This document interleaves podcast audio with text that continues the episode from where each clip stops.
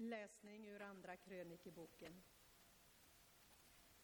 Alla de ledande bland prästerna och folket blev mer och mer trolösa och tog efter de avskyvärda bruken hos andra folk och de orenade Herrens hus som han hade helgat i Jerusalem. Gång på gång sände Herren, deras fäders Gud, varningar till dem genom sina sändebud eftersom han ville skona sitt folk och sin boning. Men de förolämpade Guds sändebud, föraktade hans ord och förhånade hans profeter tills Herrens vrede mot sitt folk blev så stor att den inte längre kunde hejdas. Man brände ner Guds hus och rev ner Jerusalems stadsmur. Alla dess borgar stacks i brand och alla dess dyrbarheter förstördes. Den rest som undsluppit svärdet förde Nebukadnessar bort i fångenskap till Babylon. Där fick de vara slavar åt honom och hans efterträdare tills det persiska riket uppstod för att Herrens ord genom Jeremia skulle uppfyllas och tills landet tagit igen sina uteblivna sabbater. Hela den tid landet låg öde hade det sabbat, tills 70 år hade gått. Men under den persiske kungen Kyros första regeringsår ingav Herren, för att Herrens ord genom Jeremia skulle uppfyllas, Kyros tanken att sända ut en förordning. Och han tillkännagav i hela sitt rike, både muntligt och skriftligt. Så säger Kyros, konung av Persien. Alla jordens riken har Herren, himlens Gud, givit mig. Och han har ålagt mig att bygga ett hus åt honom i Jerusalem i Juda. De av er som tillhör hans folk, må er Gud vara med er, ska bege sig till Guds hus. Så lyder Herrens ord. Gud, vi tackar dig.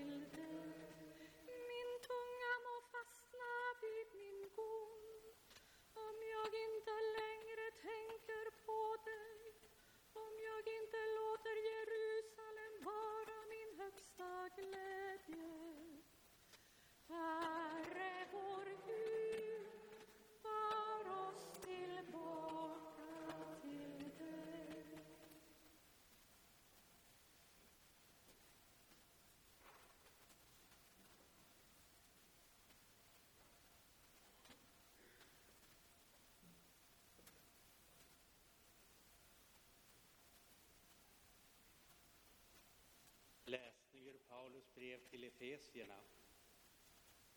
Gud som är rik på barmhärtighet har älskat oss med så stor kärlek att fast vi var döda genom våra överträdelser har han gjort oss levande tillsammans med Kristus. Av nåd är ni frälsta och uppväckt med, oss, med honom och gett oss en plats i himlen genom Kristus Jesus. Därmed vill han för kommande tider visa den överväldigande rika nåden i sin godhet mot oss genom Kristus Jesus. Ty av nåden är frälsta genom tron, inte av er själva. Guds gåva är det. Det beror inte på gärningar, ingen ska kunna berömma sig. Vi är hans verk, skapade genom Kristus Jesus till att göra de goda gärningarna som Gud från början har bestämt oss till. Så lyder Herrens ord.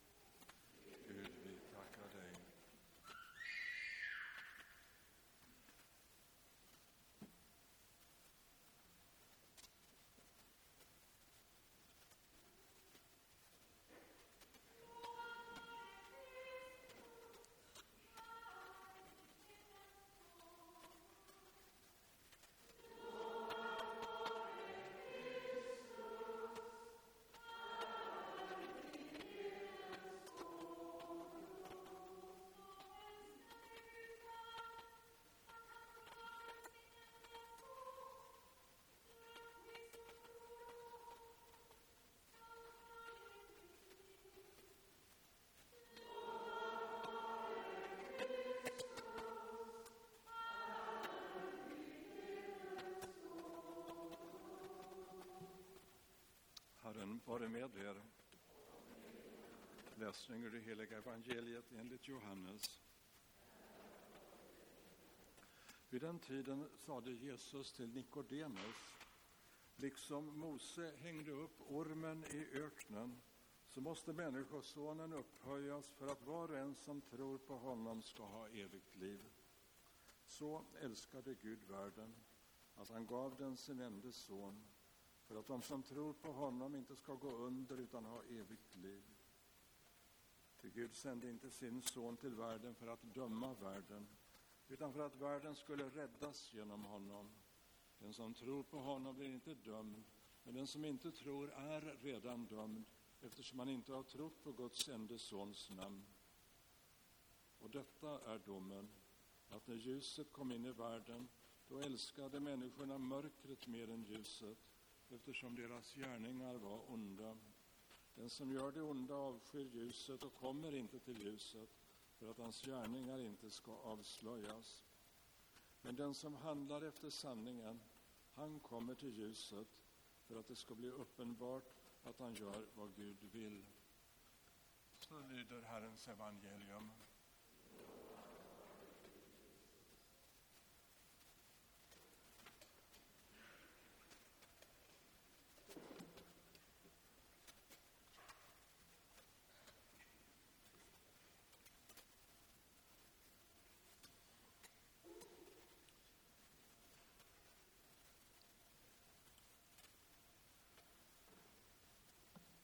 Eh, de två celebranterna idag har lyckats eh, dubbelarbeta så att eh, båda trodde att vi var predikanter, men bara, men bara en kan vara det.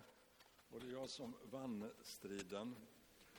Kära bröder och systrar, vi har passerat mitten av fastetiden. Ja, det är alltså tre veckor nu kvar till påsk. Och det kan kännas som om alla stora högtider kommer lite snabbt på oss. Eh, man hinner inte riktigt eh, hänga med. Eh, samtidigt tror jag att alla längtar efter påsken. Vi längtar efter den speciella ton i luften, i atmosfären, i marken, runt omkring oss.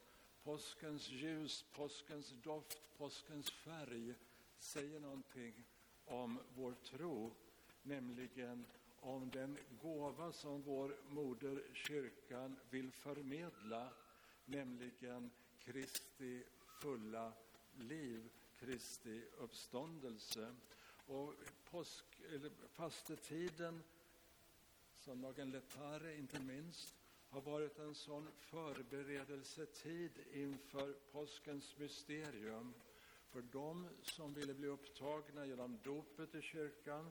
Det var en förberedelsetid för alla möjliga typer av botgörare, kanske vi själva inkluderade.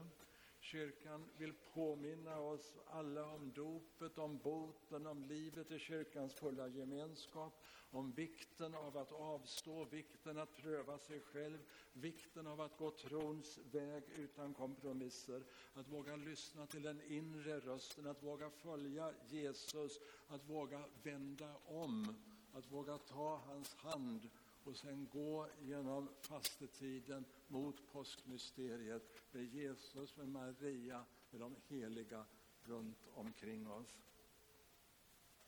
Aposteln Paulus säger att vi har gjorts levande genom Kristi påsk. Trots att vi var döda genom våra överträdelser. Synden skiljer ju oss från Gud och att vara skild från Gud är döden. Aposteln i dagens epistel kan knappt styra sina ord. Hörde ni? Han snubblar, han liksom ramlar över orden och han är så överväldigad.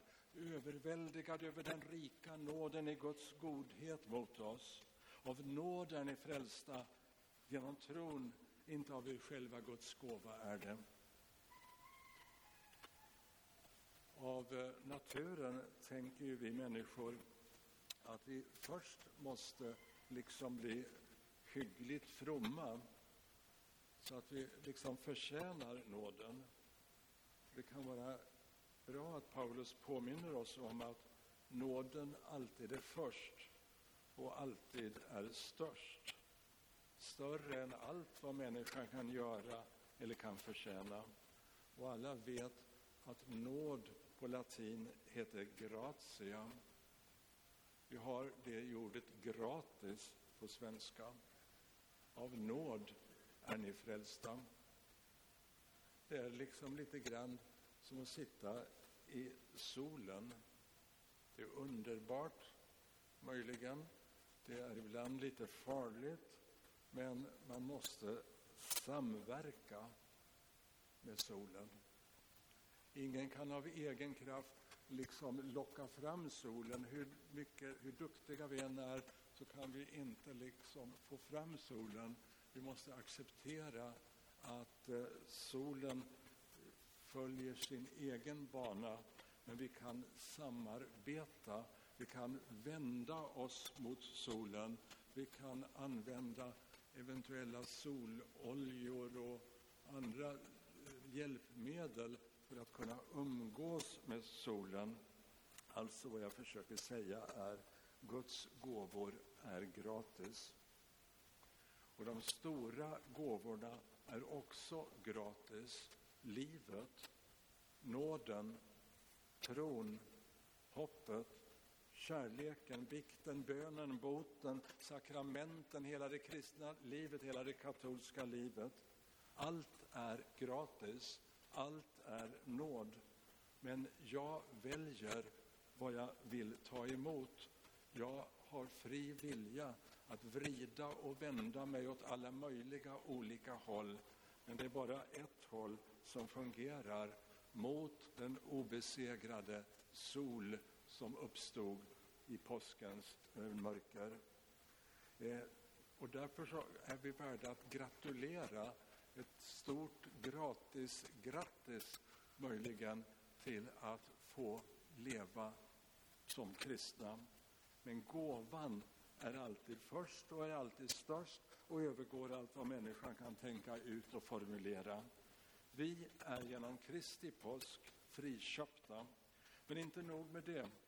Dopet och den dagliga omvändelsen reprogrammerar oss in i Kristi frälsningsverk. Han har uppväckt oss med honom och gett oss en plats i himlen. Vi blir delar i hans kropp, han som sitter på Faderns högra sida. Vi blir medborgare i Guds eviga rike som inte börjar någon gång långt fram i tiden eller utanför tiden utan som börjar redan här och nu i gemenskap med vår heliga moderkyrkan. Evangelisten Johannes sammanfattar det hela så här långt. Så älskade Gud världen att han gav den sin enda son för att de som tror på honom inte ska gå under utan ha evigt liv. Det enda hindret som finns hittar vi alltså inte hos Gud utan hos oss själva. Johannes fortsätter. Gud sände inte sin son för att döma världen utan för att världen skulle räddas genom honom. Och katolska kyrkans katekes säger att människan ska dömas efter sitt ja eller sitt nej till nåden. Och det är därför viktigt att tänka över sitt liv, att våga följa Herrens röst, att våga använda fastetiden, inte för att prestera egna frälsningsbringande aktiviteter, utan för att ta emot nåden och samverka med den så att vi blir levande lemmar i Guds folk. Jesus säger, den som handlar efter sanningen, han kommer till ljuset för att det ska bli uppenbart att han gör vad Gud vill. Så var det för den botfärdige rövaren som hängde på korset. I sista sekunden kan man säga så kom han till ljuset när han vände sig om till Jesus, när han omvände sig till Jesus, när han tog emot gratis nåden och han fick löfte som den enda, om jag fattat rätt i Bibeln, han fick löfte om att vara med Jesus i paradiset. Vid korset så står också Maria och Johannes, den som ska döpas, den som ska upptas, den som ska återförenas, den som vill aktivera sin tro under fastetiden står där i gott sällskap. Vi står där med Maria, med Johannes och för den delen med rövaren och med hela Guds folk och med alla troende. Lärjungarna bröt upp ur sin judiska bakgrund. I niomässan tog, jag upp, tog kyrkan upp en ung kvinna som bröt upp ur sin eh, lutherska bakgrund och återförenades med kyrkan. En troende lär sig att söka ljuset, att söka den som är Kristus. Och med Petrus säger hela Guds folk, Herre, du vet allt. Du vet att jag har dig kär. Eh, men eh, vad tog då de egna gärningarna vägen? De finns där förstås, men de är ibland annorlunda än vad vi tänker oss. Paulus säger, vi är hans verk, skapade genom Kristus Jesus till att göra goda gärningar som Gud från början har bestämt oss till. Den gode herden har en plan med våra liv och eh, har så att säga berett vägen för oss. Han har för oss in i beredda gärningar, i förbe, på förberedda stigar. Och nu är frågan hur mycket goda gärningar vi egentligen är kallade att göra. Och här finns olika teologiska traditioner. Men grunden är i vart fall att vi ska vända oss mot Jesus. Vi ska inte säga nej till, till, till eh, erbjudandet utan vi ska säga ett ja, ett rungande ja till vår kallelse, till de vägar, den karta, den kompass, de rastplatser som Gud i sin barmhärtighet har givit åt sitt folk så att vi kan vända oss om, vända oss mot påskens glädje, mot den obesegrade solen, sol invictus, mot Kristus, världsalltets härskare och bli en i hans vänskapsförbund. Så de goda gärningarna är ytterst att säga ja till Guds nåd och att följa honom i hans kyrka. Och det ber vi om under fastetiden. Det förbereder vi oss för att göra under fastetiden. Och om vi snubblar så tänker vi på den botfärdige rövaren och tänker allt är nåd. I Faderns och Sonens och den helige Andes namn.